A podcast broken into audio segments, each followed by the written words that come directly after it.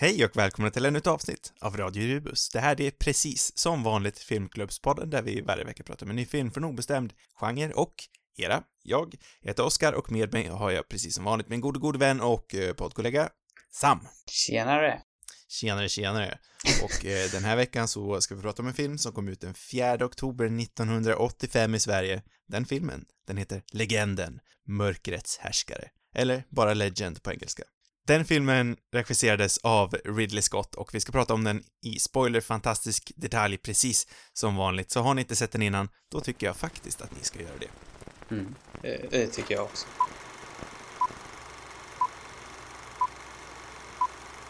Sam, nu får du ett uppdrag här av mig. Vänligen förklara vad den här filmen handlar om, om du kan. Någonting som för en gångs skull känns nödvändigt även om man har sett filmen. Kan jag tycka. Det kan jag väl faktiskt hålla med om.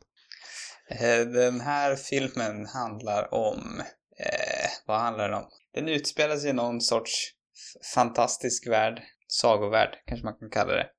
Där den ondskefulle djävulen, spelad av Tim Curry, bestämmer sig för att mörklägga jorden. Och detta gör han genom, jag vet inte riktigt hur det går till det här, men hans eh, små ondskefulla, eh, vad heter Goblin på svenska för någonting? Go- Gnottar. Är det gnottar? Nej, det är det inte, jag vet inte. Troll? Nej, det är det inte. Men Ja, hans små goblins. Goblin Hans små goblins, de, eh, de tar, de ska döda en enhörning va? Eller de tar ett horn från en enhörning. Ja, de ska väl döda båda två, tror Ja, jag. det ska de göra. Ja. Eller ska de döda? Ska de bara ta hornen i och för sig? För varför dödade de den inte när de hade chansen? Allt, fast de har ju fångat den. Just det. De ska väl döda den sen? Varför gjorde de det inte på en gång för? Eh, kanske han djävulen vill göra det själv. Ah, ah ja. Och det ska på något sätt förinta solen, tror jag. Om jag förstår den beskrivning jag försöker förstå själv. eh, och sen är det med någon oskuldsfull prinsessa som heter Dilly. Och någon djungeltarsan-pojke s- som, som heter Jack. Båda de spelas av Mia Sarah och Tom Cruise helt enkelt. Och, Tompa. Ja, och den här prinsessan Lily blir kidnappad. Jag förstår inte riktigt vad kopplingen varför. Hon är väl också någon del av det där eh, på något vis. Fråga mig inte. Nej, och eh, Jack ska då rädda henne. Ja. ja. Oklar handling. Mycket Ok- oklar. Eller, handlingen i sig är väl inte så oklar, men anledningarna varför. Motiven är, Motiven är oklara. ja, men vilka är vi att förstås på djävulen? Eller hur? Exakt. Allt är inte Mörkrets logiskt. härskare kan göra vad han vill. Mm, precis. Eh, som vi sa förra veckan så eh, såg vi ju den här filmen ihop för en gångs skull. Mm. Eh, vi hade ju ett eh, eh, 80-tals fantasyfilmsmaraton eller vad man ska säga. Så vi såg på, eh, ja det vart ju faktiskt inte så många i slutändan. Det vart ju den här Legend, eh, Dragon Slayer och eh, Camelot. Nej, jo, Cam nej inte Camelot. Excalibur.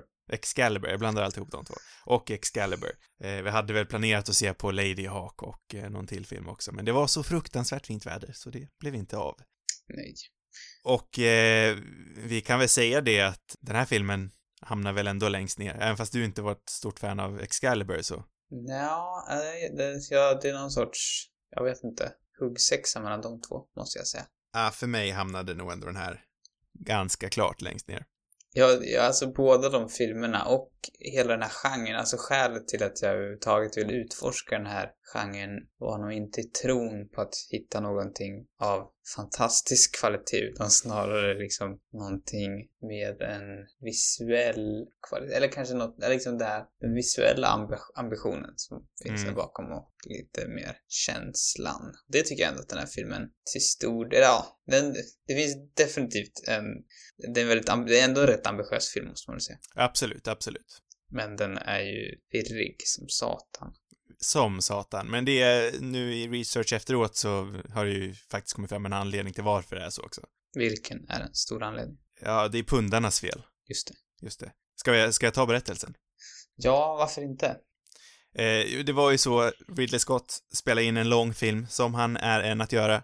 Eh, och också som han brukar göra så har han ju faktiskt klippt ner den här filmen till ett flertal olika versioner. Mm. Det är ju nästan en minoritet av Ridley Scotts filmer som inte har en Director's Cut, en Extended Cut, en US cut, en European cut, så kalla det vad du vill. Det finns hur många som helst av de flesta av hans filmer. Och eh, så är ju även fallet eh, med den här. Men eh, normalt sett så brukar det faktiskt vara så att eh, filmer har olika versioner på grund av eh, producenter eller studiomän som kommer in och säger att du, den här filmen, den kommer inte sälja bra. Men eh, den här gången så var det som sagt pundarnas fel, för de hade ju någon sån här eh, screening för, för allmänheten för att se hur, eh, huruvida publiken tyckte om den. Där man efteråt kan rösta. Ja, det är lite för lång, klippa om, klippa om det, jag förstår inte riktigt vad som händer. Och så bearbetar de filmen baserat på den kritiken. Mm. Eh, och när de hade en sån visning i den här filmen så kände ju eh, Ridley Scott, Sir Ridley, den eh, pikanta dok- doften av eh, jazztobak. Är det en pikant doft? Ja, vi, vi, vi låt, låt oss kalla den pikant. Den unkna Mm. doften av jazztobak Oj, det låter nedvärderande. kände Ja, han absolut. i, Mm. i den här salongen. Jajamän. Eh, och de eh, började ju skratta helt enkelt under filmens gång, som eh, jazztobaksrökare brukar kunna göra.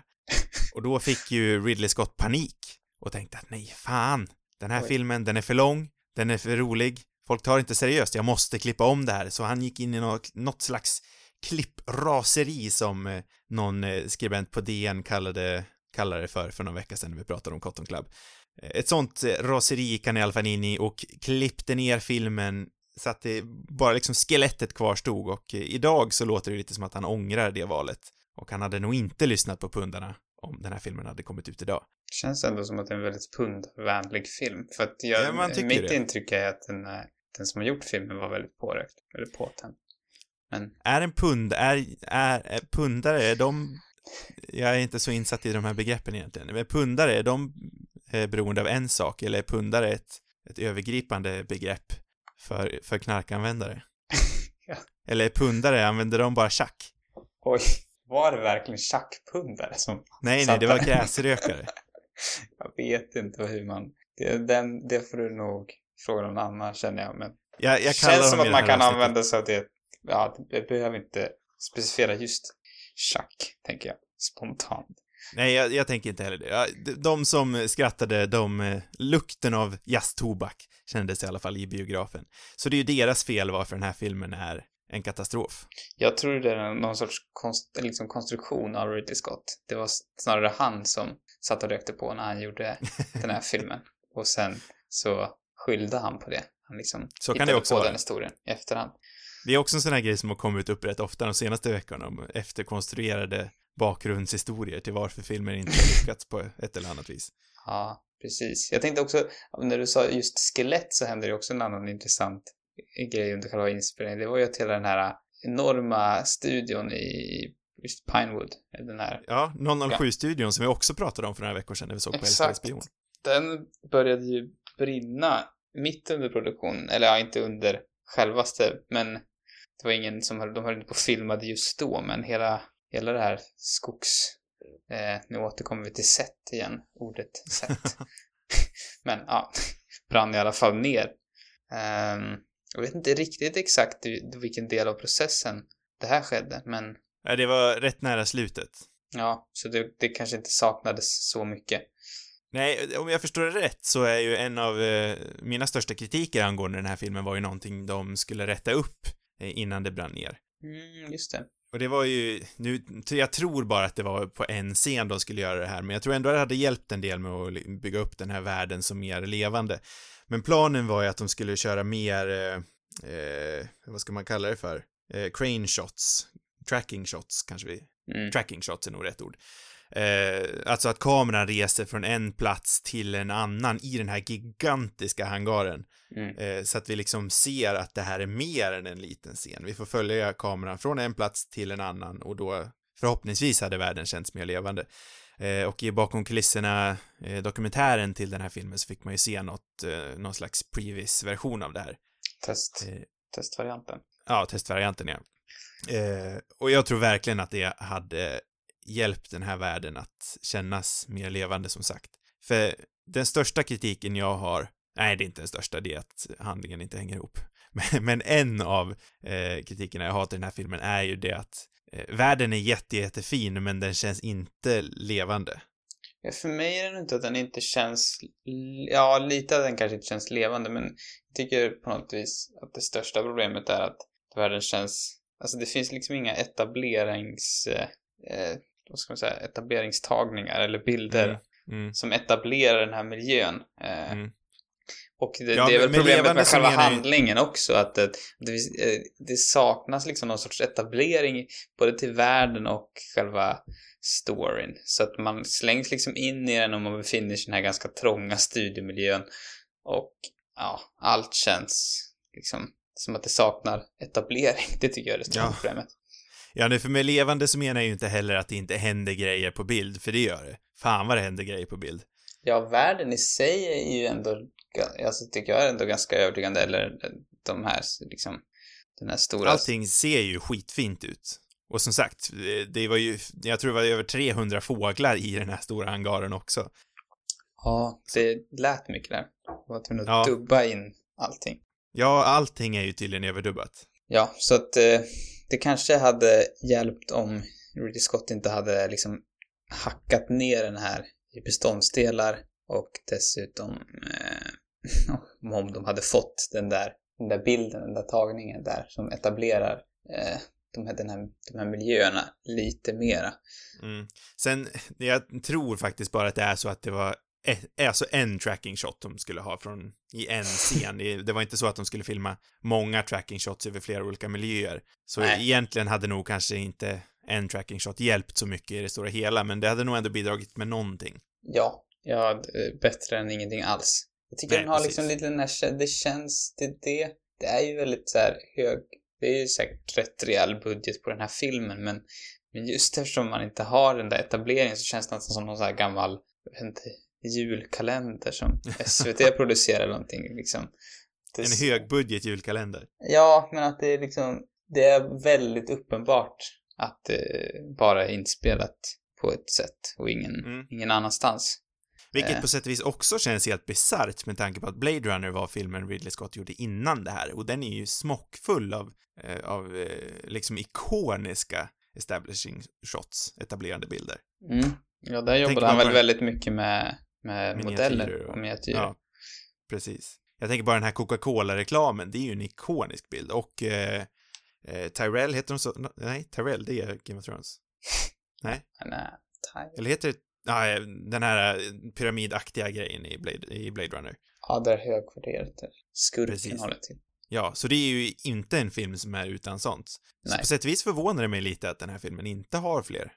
Ja, det är Men- konstigt. Samtidigt är ju etablerande bilder kan ju också vara det som ryker allra först i, i ett klippningsraseri, för det bidrar ju inte så mycket till handlingen. Mm, fast det känns lite som att de har missat, det känns ändå ganska grundläggande när man, när man gör en film, att man, att man har med en, en etablerad tagning, eller vad kallar man det för någonting? Liksom en, Mm. för att få en uppfattning om vart man befinner sig. Man börjar liksom, man kan inte bara ha massa close-ups. Nu är det väl inte massa close-ups, men det är, ja. Förstår vad jag menar för någonting. Mm. Ja, jag fattar helt. Nej, för den här filmen, den, som sagt, jag ska inte alls undervärdera hur snygga bilder, alltså hur snygga de här close-up-bilderna är. För världen som den ser ut är ju ändå snyggt. Det är ju jättefint. Ja, men det är som en, eh, en hundares dröm, kanske. och det kanske var är. därför man skrattade. Det kanske var ett euforiskt skratt. Ja, av lycka. Man älskar Jag- jag det här glittrande, liksom drömmiga och de här, eh, de här, vad heter det, enhörningarna som i slow motion kommer springande i någon fantastiskt mysig liten å. Ja. Eh, och den här ganska bleka Tom Cruise ändå, som kommer ned skuttande från ett träd. För att, Skogstarsan som jag kallar han för när vi såg på den. ja, det var någon, jag läste någon annanstans att han refereras till som, som Mowgli typ. Ja, Men det är ju på samma, samma spår ändå. precis. För han är ju inte speciellt bra i den här filmen, tycker jag. Eller, han är jättedålig om jag får säga det så. Kanske inte dålig egentligen, men han har Jo. inte den där glansen som han vanligtvis brukar ha. Han är helt okarismatisk. Och han, det, hans skådespelarknep i den här filmen, det är att kolla med vida ögon och ha munnen öppen och se lite förundrad ut. Den där lyckas med att se typ fem år yngre ut än vad han egentligen är. Ja, men det har ju han alltid gjort. Ja, ja, det kanske är. Fast det är, det är svårt att koppla. Det här var ju den filmen han gjorde innan han gjorde Top Gun. Ja, Och jag tänker inte, ser han verkligen ut som en 15-åring i Top Gun? Nej, där ser han ju faktiskt lite mer vuxen ut. Så det är ändå en det stor är- skillnad. Det är ju fascinerande ändå hur den här filmen eh, glöms bort lite grann i Tom Cruise meteoriska uppgång in i Hollywood-eliten. Ja, det var väl hans, eh, hans, jag vet inte riktigt vilket som är, men jag tänker mig att Risky Business som kom var 83 tror jag, Ja, kanske var hans riktigt stora genombrott. Eller hade han någon innan som var, Ja, det var ju genombrottet liksom. Han var ju med i några filmer innan. ja, men det var Risky Business som han, ja, fick mer kanske stjärnstatusen. Och där, exakt. där, där glänser han ju fullständigt. Så att han, när han går vidare och gör den här så det är inte alls samma typ av skådespelare man ser i den här filmen. Ja, nej, jag är inte så eh, stort fan av den filmen i sig, men jag har ingenting emot Tom Cruise i den, för jag, han är ju en stjärna på en gång. Ja, det, det, jag, jag tycker den filmen är ganska skojig liksom och, och det, det lever, den lever ju till stor del på att han är så otroligt charmig liksom. Mm. Ja, men för 83, det var ju, då kom ju både Föräldrafritt eller Risky Business ut och eh, Ta chansen eller eh, vad är den heter på engelska då? Eh, All the right moves. Mm. Eh, så det var ju, därifrån gick det ju upp på en gång och sen, eh, som sagt, gjorde han Legend eh, 85 och sen kom eh, Top Gun ut, det var 86 va? Ja, Ja, precis. Eh, och det var ju filmen efter Top Gun, då var han ju en stjärna. att det var Alltså- stjärnstjärna. Shit vad han var stor efter den. Det var ju en sån jäkla hit.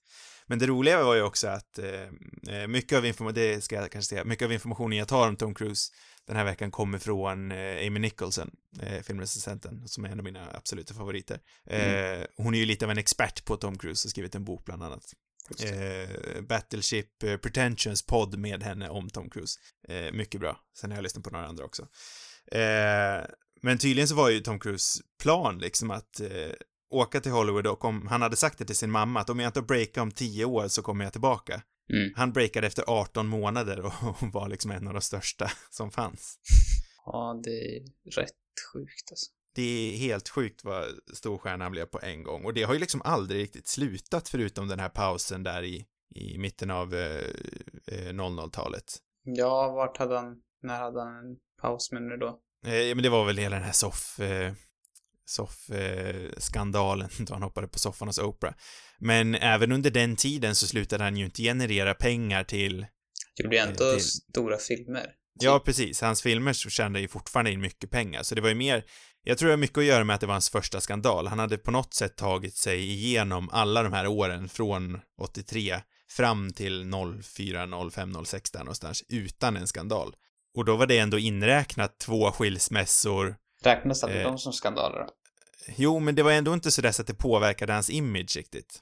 Hans Nej. image blev aldrig påverkad förrän eh, där 03, 04, 05 när nu det hände. Om jag förstår det rätt i alla fall så var det så. Jag tänker så, småningom så kom även de här skandalerna på senare år att nästan, eller i alla fall för mig personligen förhöja hans image också. Eller alltså han blir ännu mer mytologisk som den här, eh, med det här mörk, den här mörka baksidan och den otroligt välputsade utsidan.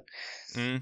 Eh, så att, ja, det känns som att, som att det liksom inte ändå har påverkat så mycket i det stora, på det längre loppet.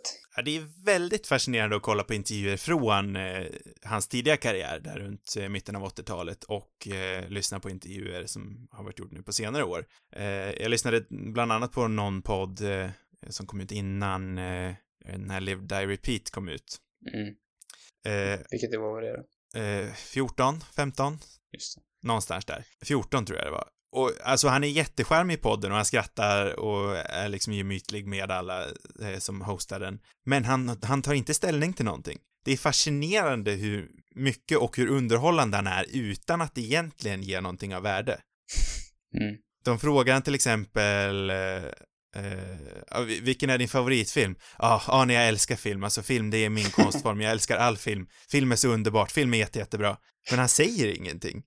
Ja, men det är, det är snarare kanske att det har påverkat vilka projekt som vi, jag tror vi var inne på förra veckan, att han, det blir, det snarare kanske har påverkat vad han själv har valt att göra för projekt. Att han liksom, han vågar sig inte riktigt, han gör mer säkra kort, och han spelar i, han gör liksom inga roller som på något vis kan äventyra hans image egentligen. Och han tar förmodligen inte, tar inte ställning heller som du säger i, i frågor som kan äventyra hans image. Nej, nej men för det var ju det som var så otroligt, för jag i grund och botten älskar jag Tom Cruise som, som filmstjärna och skådespelare också. Som underhållare. Som underhållare, precis. Och särskilt i början av hans karriär, för där var han ju fruktansvärt vågad. Mm. Alltså det är ju egentligen att ta den här filmen, den hade ju kunnat varit en självklar hit egentligen, men den är ju väldigt pajig och jag tror ju mest att han gjorde det för att han ville jobba med Ridley Scott. Ja, och vilken, Och- vilken jävla, liksom, det var en miss. vilken Ja, otur han hade. Scott har väl ändå levererat rätt bra. Både, jag menar, han hade ju föregått den här filmen med både Alien och Blade Runner som är liksom otroliga eh, klassiker. Den här Fast Blade Runner var ju inte heller en hit när den kom ut. Nej, nej, nej, absolut inte. Och den här filmen har väl för sig blivit någon sorts kultklassiker på senare år, men det är ju inte... Det förstår jag inte. Jo, men det kan man ändå, för jag kan ändå fatta det. Jag menar, den Ja, är ju man, den, speciell. den är ju lite pulpig, så jag förstår ju, men Blade Runner har i alla fall någonting av värde, även fast jag inte är den största fanet av den filmen heller, men Den har ju också blivit liksom hyllad också, inte bara som en kultklassiker. mm, Sen kan man, kanske man inte ska glömma heller, vi har ju sett den, jag antar att det är den europeiska originalversionen. Eh, Det finns väl, det finns ju som du sa tidigare, både amerikansk och europeisk första liksom cinematisk version och sen kom den här extended eller director's cut typ Mm. 2002 eller något sånt där. Ja, för när jag kollade på running times innan vi såg på den så utgick jag från att det var US cut vi såg. Mm. Men baserat på beskrivning av alla scener och dessutom att det var Jerry Goldsmith som gjorde musiken till den här så borde det ha varit eh, European cut vi såg. Ja, det är ju spännande för i, i den amerikanska så bytte de ut, eh, eller de tog bort hela hans, hans eh, score och ersatte med, vad heter de för någonting? Tangerine Dream, det tyska eh, syntpopsbandet. ja, jag det känns bara så här, Syntpop men elektronika, eller vad kallar man det för? det känns som att det hade förgyllt filmen nästan ännu mer. Jag förstår att Ja. du inte gillar det. hade gillat det, tänker jag. Jo, Spontant. men jag, jag kan, alltså jag tycker väl inte det hör hemma, men jag gillar ju stilen. Ja, alltså jag hade... Jag, alltså anledningen till att jag intresse, började intressera mig för 80-tals eh, fantasyfilmer, eh, eller kanske, och då inte så här, jag menar liksom specifikt, eh, alltså den här sortens fantasy, alltså mer, det finns ju jättemånga filmer man kan kalla för fantasy, men alltså med fokus på, det här tror jag hör, tillhör någon sorts fairytale eller sago-fantasy, och sen finns det de här svärd och trollkonst, vad heter de? Sword and Sorcerer eh, fantasy också som var stora Det här, på jag tror att det här 80-talet. räknas som dark fantasy om jag förstår det rätt. Mhm. Det finns tydligen en drös olika fantasy-subgenrer. Det var olika källor där. Jag, jag, såg det, jag har läst som fairytale fantasy tror jag. Men Okej, ja. det kanske är en, det är nog lite av, av varje liksom. Jag plockar mitt, eh, från den här dark fantasy-grejen plockar jag från Wikipedia, så det behöver inte alls stämma. Säkert jättefel. Säkert jättefel. Eh, ja, men det, det är mycket som skiljer, som jag tror till exempel slutet skiljer sig också mellan den, både den, eh, liksom, både den europeiska och den amerikanska originalversionerna. Mm.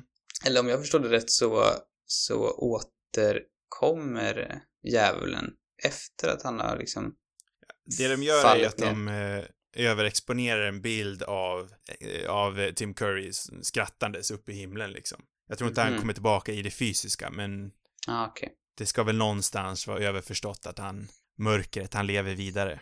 Mm. Det är ju ingenting som överhuvudtaget förekommer i den europeiska. Nej, Inte vad jag minns i alla fall.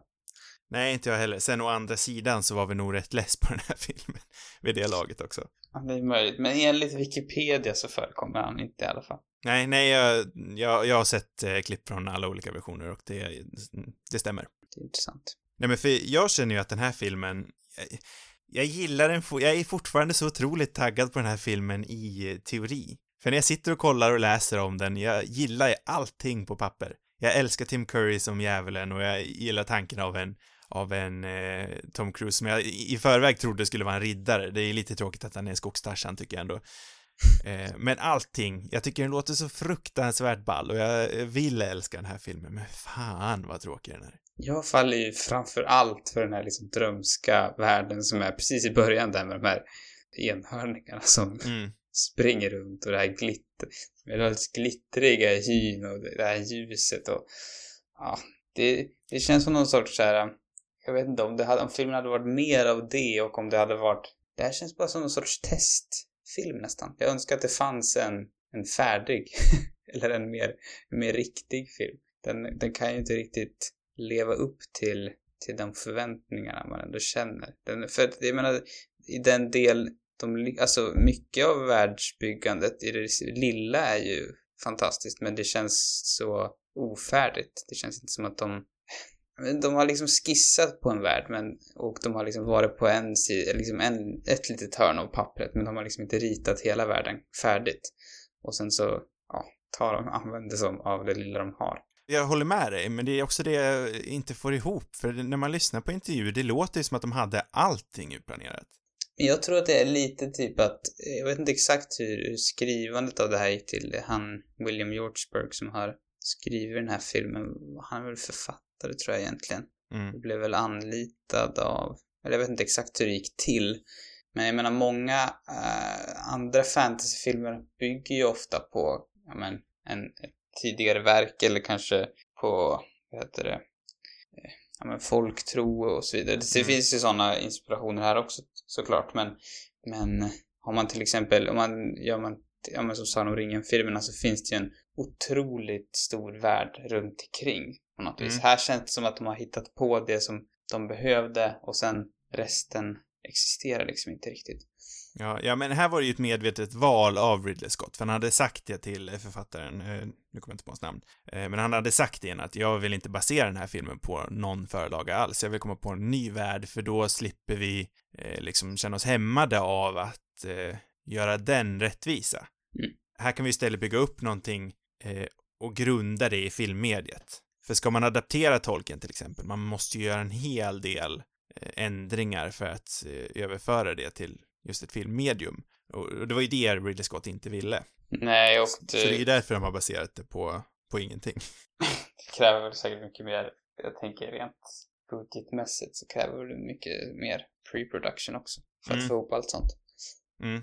Det roliga var ju att han hade ju hjälp av den, den eh, legendariske eh, illustratören Alan Lee, han som har jobbat med så mycket med Tolkien till den här filmen. Ja till en början. Men jag vet inte hur långt, han var nog inte med under hela vägen. Men bara för att liksom få någon typ av idé av hur det skulle se ut.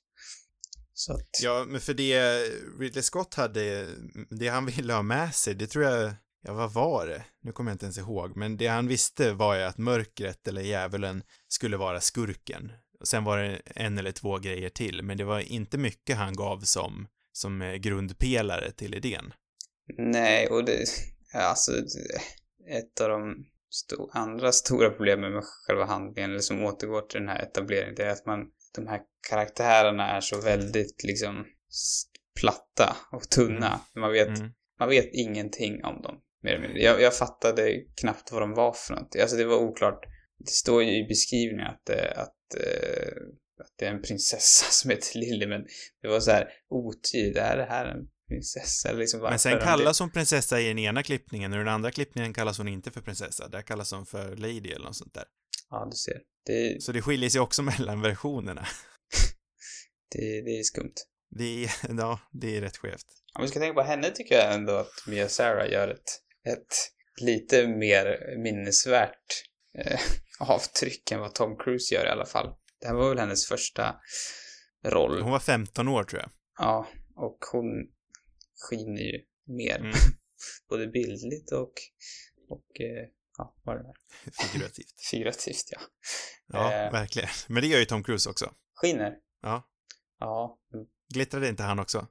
Ja, men inte lika mycket. Nej. Eh, nej, men eh, hon är ändå liksom, jag tycker inte, man, inte, man kan inte, Tim Curry är också en, en bra, bra tolkning då, så att jag menar de andra skådespelarna gör ju vad de kan med det här. Men mm. Men det, det räcker ju inte, eller det hjälper ju inte direkt.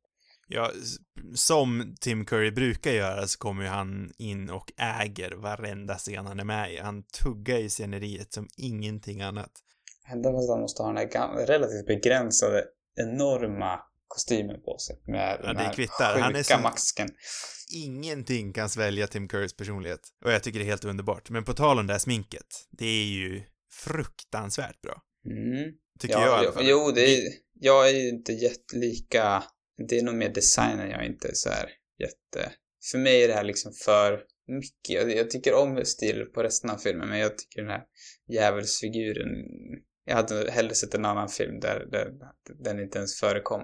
Men eh, jag kan ju, alltså det är ju bra smink såklart, absolut. Ja, nej, jag älskar ju designen, men sminket kan man ju, även om du inte gillar designen så eh, borde man ha svårt att säga någonting mot självaste sminket. Mm. Eh, men det är också gjort av eh, en annan eh, människa som har dykt upp i podden innan, Robert Bottin, som gjorde sminket till The Thing också.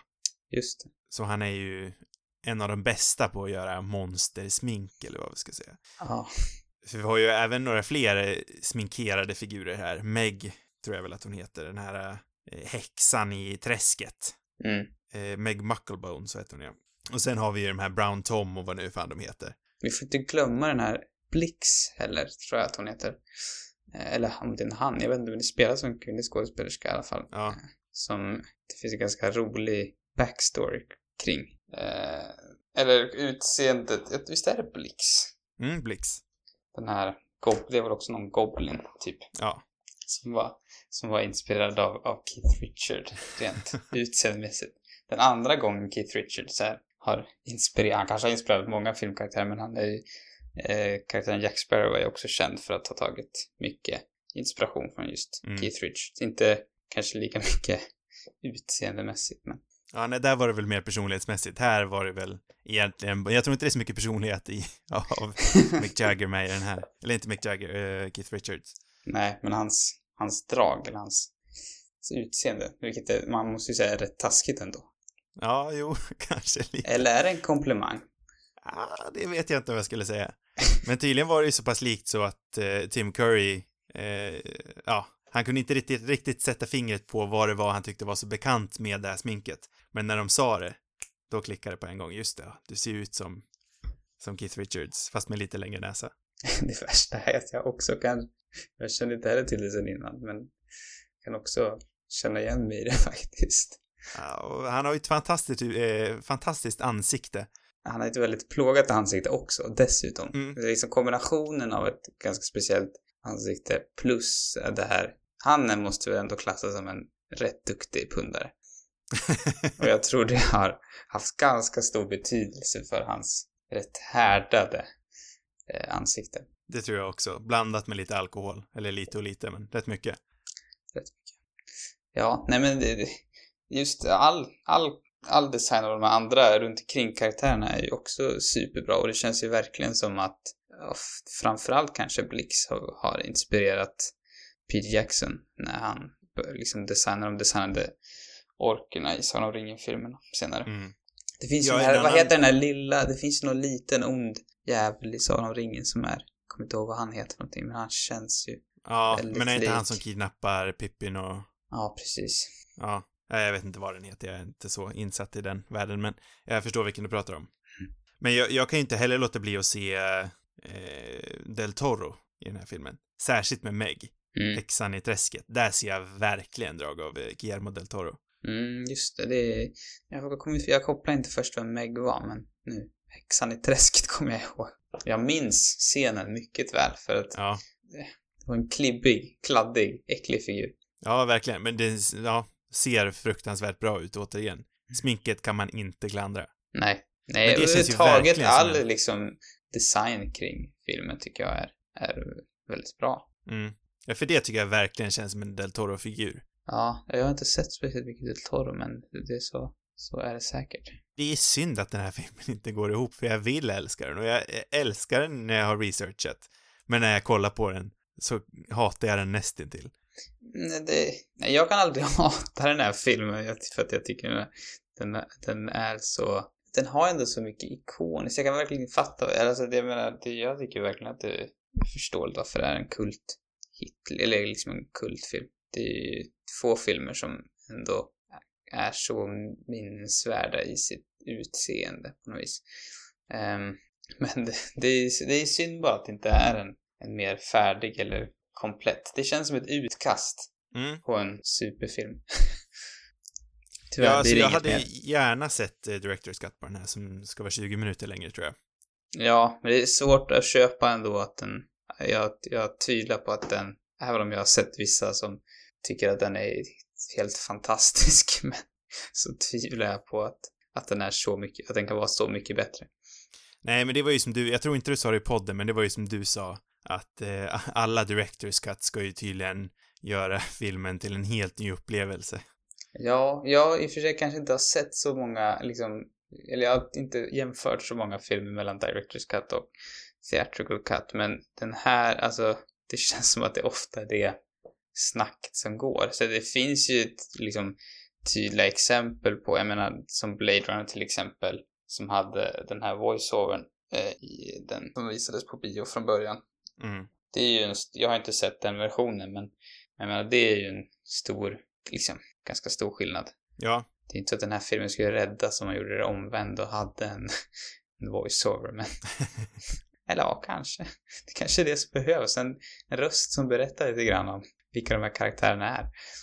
Ja, alltså här kan jag faktiskt ändå se det, för det är ju enligt så här eh, sagoberättelsen då, så jag skulle kunna se en berättarröst över. Ja, kanske och lite som den där i, vad heter det, Scorseses Ja, eh, Age of Innocence. Age of Innocence, ja, precis.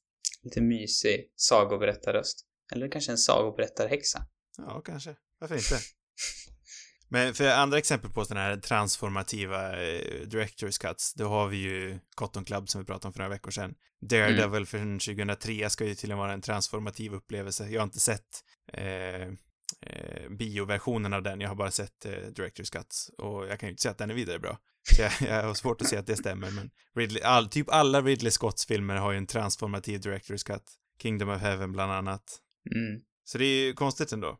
Ja. För det är ju också, det går ju lite sånt snack nu också, för Directors Cuts har ju, är ju verkligen eh, ett hett ämne just nu med tanke på eh, Zack Snyders eh, Justice League som ska komma ut och alla vill ju att David Ayers eh, Suicide Squad ska få en Directors Cut också. Eh, Jag, tror du måste omformulera alla ändå. Det känns som att det måste vara en hyfsat begränsad grupp ändå som vill ha en ja, David Ayer-version av Suicide Squad. en, en högljudd minoritet vill i alla fall ha det. Tillräckligt Eh, många.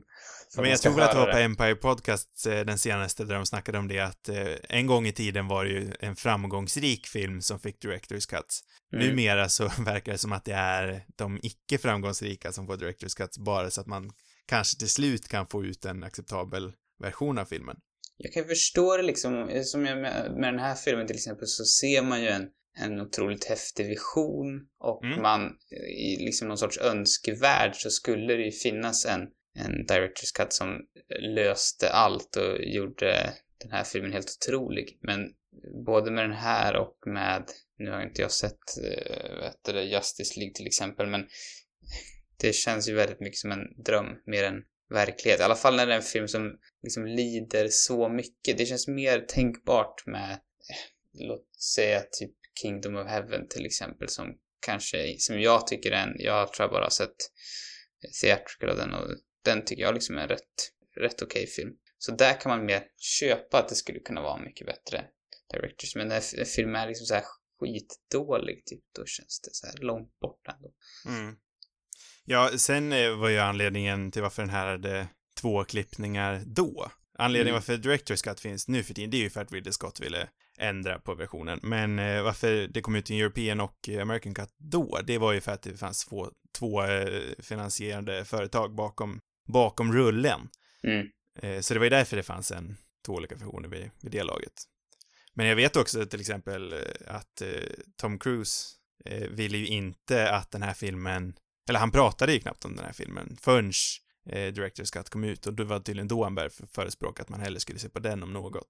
Ja, jag har försökt hitta, har du hittat någon? Vad, vad tycker, vad är hans åsikt om den här filmen? Så här. Det, jag, jag hittar knappt någonting där han pratar om det. Det enda jag liksom har hört är att han, eh, när under tiden han filmade den här, eh, så var studion jättepå han att de skulle göra Top Gun. Men han ville inte, så de tjatade tydligen på han i ett år. Mhm. Eh, men det var ju Ridley Scotts bror, Tony Scott, som gjorde Top Gun. Så det var ju till slut eh, Ridley Scott som övertygade honom att kom igen, gå och gör Top Gun med min brorsa. Varför tackade han nej till det? Nej, jag vet faktiskt inte. Spännande. Det, sa, det, det var han själv som sa det i alla fall. Eh, Mm. Och återigen, där kan han ju konstruera sin egen bild. Men det var så han målade upp det i alla fall. Mm. Intressant. Eh, ja, och sen så gjorde han ju så att Top Gun blev största filmen någonsin och sen gjorde han de här otroligt fascinerande valen att inte göra Top Gun 2, vilket för många hade varit det självklara valet, utan valde istället att gå ner och göra mycket mindre filmer som Rain Man och Color of Money med Scorsese och vad nu Rain Mans regissör heter. Mm. Nej, jag skulle kunna göra en hel podcast av bara Tom Cruise. Han är så otroligt Jag fascinerande. skulle kunna göra hur många som helst. Eller flera, flera avsnitt förmodligen. Ja, han kommer ju garanterat dyka upp igen någon gång i framtiden. Det var något annat jag tänkte på. Men eh, det försvann. Jag skulle vilja prata lite om, om jag får gå in på det innan. Så kan Mm. du tänka tag. Mm. Eh, slutet på den här filmen, jag tycker att det är så fruktansvärt otillfredsställande. För det finns ju en actionscen mellan mörkret och eh, Tom Cruise. Så det är absolut, det finns en svärdfight. Men att allting på något sätt eh, landar i att de ska vinkla tallrikar för att få in ljus i den här äh, djävulslyan, det, det, det tycker jag inte, det, det går inte ihop för mig. Det är lite lame. Det känns som en sån här, det känns som ett tråkigt tv-spelsuppdrag där eskaleringen inte riktigt är så, så tillfredsställande så som det borde vara. Och sen när han väl ska attackera honom så kommer han liksom svingandes i sin Tarzan-lian och. Och att han inte har typ. byxor på sig med den här äh, rustningen. Ja, det i sig är ju väldigt obehagligt. Den är, Ja. Den är gjord av kapsyler också läste jag, den här. Jävla Ja. B alltså. Fruktansvärt. Fast, eller jag tänkte säga, den ser ju inte dålig ut, men den ser rätt ful ut. Men... Ja, jag, nej, hade- jag vet inte. Jag tycker om den hade haft byxor hade den ändå varit helt okej tyckte jag. Men Jo, hade den haft byxor, men som det är just nu, jag, jag kan inte säga att jag hade märkt att den är gjord av kapsyler. nej, jag gillar ändå sådana där, sån där fakta. Precis som när man läste om att, att alla i Game of Thrones till exempel, att de har använt sig väldigt mycket av såna här eh, typ fällor från Ikea för att skapa de här uh, Night's Watch-kostymerna till exempel. så, jag gillar ändå såna, sån fakta på något vis. Det är lite... Ja, det var lite kul, kul. det visste inte jag om. Nej, så att, så att ja, så länge man inte ser att det är kapsyler så har jag inget emot det. Men byxor Nej. borde han fan haft på sig. Ja, det tycker jag också. Byxor är ett måste. Ja. Det Den är inte så lång heller. Hade det varit liksom en mer så här lite längre. Den är lite för kort för att gå utan byxor. Och han har inga så här eh, klassiska Robin Hood-tights på sig där under heller. Nej. Nej. Eller han, han kanske har sin den där skogsmulle-tightsen, eller skogsmulle-kalsongerna på sig där under. Det antar jag att han har. Ett par kort, kortkallingar. Så här Ja. speedos. Speedos. Eh, kom du på vad du ville säga eller?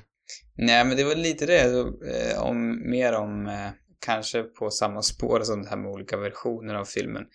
Eh, som jag inte blir riktigt så här säker på. För det finns ju både, eller jag har både läst att, att liksom själva ambitionen var att göra en, en mycket mörkare film egentligen, men att det inte riktigt uppskattades från studion. Och i själva omklippningen blev den mindre mörk. Å andra sidan så borde, borde ju det på något vis vara i konflikt med det du sa om att de kanske fnittrade för mycket åt den här filmen. Men ja, vad vet jag. Det finns ju också, eh, jag har också läst att Ridley Scott till en början var, var intresserad av eller approachade Disney för den här filmen men att de tyckte den var för mörk. Så att, Mhm. jag vet inte. Det verkar vara lite så olika, olika tolkningar. Jag vet inte vad själva grundidén egentligen var. Om det skulle vara en Disney-film eller om den skulle vara ännu mörkare. Nej, Men- som jag förstår i alla fall så ville ju Ridley Scott att den skulle vara mörkare. Han ville väl göra en modern Bröderna Grimm-film och de, deras legender eller eh, sagor var ju mörka. Mm, original, originalberättelserna. Exakt. Och jag, jag kan väl ändå köpa att det här känns lite som en Bröderna Grimm-berättelse. Inte för att jag är jätteinsatt i dem, men... Mm, Så jag, så, ja. Som ett utdrag, ett fattigt utdrag ur en Grimm-berättelse. Som att man hoppar alltså- in mitt i historien. Jag återkommer till det hela tiden, men jag, jag vill gilla den här filmen så mycket. Jag var så fruktansvärt taggad innan vi såg den. Man skulle kunna göra en jävligt snygg musikvideo tror jag av den här. Ja, Kanske till den där Tangerine Dreams-låten. jag tänkte säga det. Synt. Det känns lite som en synt-musikvideo. Ja, men jag känner, alltså det är synd. Eller jag hade typ velat sett med den. Det hade känts ännu mer rätt tror jag. Att se med det där. Även om det säkert var trist för, för Jerry Goldsmith eller vad han heter som gjorde original.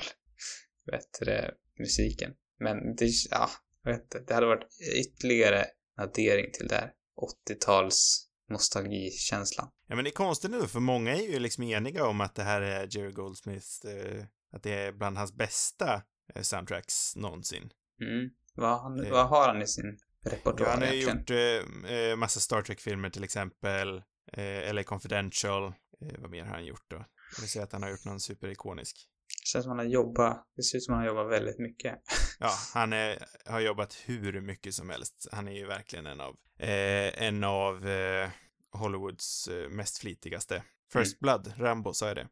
Eh, nej. Ja, han har gjort hur mycket som helst. Eh, men jag kan inte direkt säga att det här soundtracket lämnar något större avtryck på mig. Nej, det kan inte jag heller säga. Sen borde man kanske lyssna på det som det är, men Ja, då kanske det är, det kanske är bättre. å andra sidan fick ju Tangerine Dreams bara tre månader på sig att göra sitt. Ja, det fanns, jag hittade bara en, en låt typ på Spotify, men den var lite mysig tyckte jag. Ridley Scott idag säger i alla fall att han ångrar sitt val att blanda in Tangerine Dreams. Oavsett hur bra eh, deras musik var eh, så tyckte han att Jerry Goldsmiths musik passade bättre in. Och jag kan väl också tycka att ett mer traditionellt sago-soundtrack passar lite bättre in i den här berättelsen. Mm, men det är sämre för kulten. Jo, men det är det. Det fattar Def- definitivt. jag. Eh, känner vi oss klara?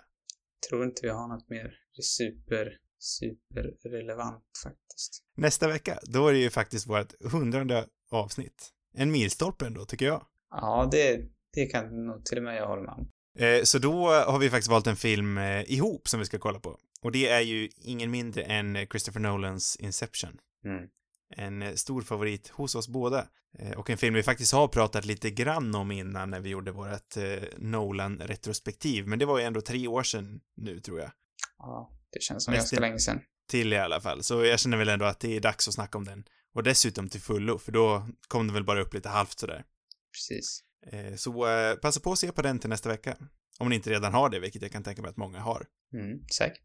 Fler avsnitt, de hittar ni på cinemarubus.com. Där finns även arkiverade avsnitt. Nyare avsnitt, de hittar ni på alla era poddappar. Har ni frågor och vill ha svar så skickar ni in dem till cinemarubus@gmail.com. Sociala medier, det har vi också. Där heter vi cinemarubus på Instagram och Twitter. God natt allihopa. God natt.